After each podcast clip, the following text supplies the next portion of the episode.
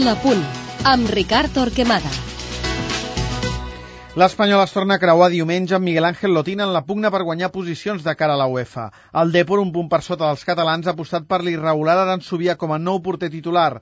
Manuel Pablo protegeix la banda dreta amb més experiència que velocitat, mentre que Felipe s'ha consolidat com a lateral esquerre, ja que ha augmentat la seva agressivitat defensiva i ha pogut afegir-la una gran sortida de pilota i projecció atacant.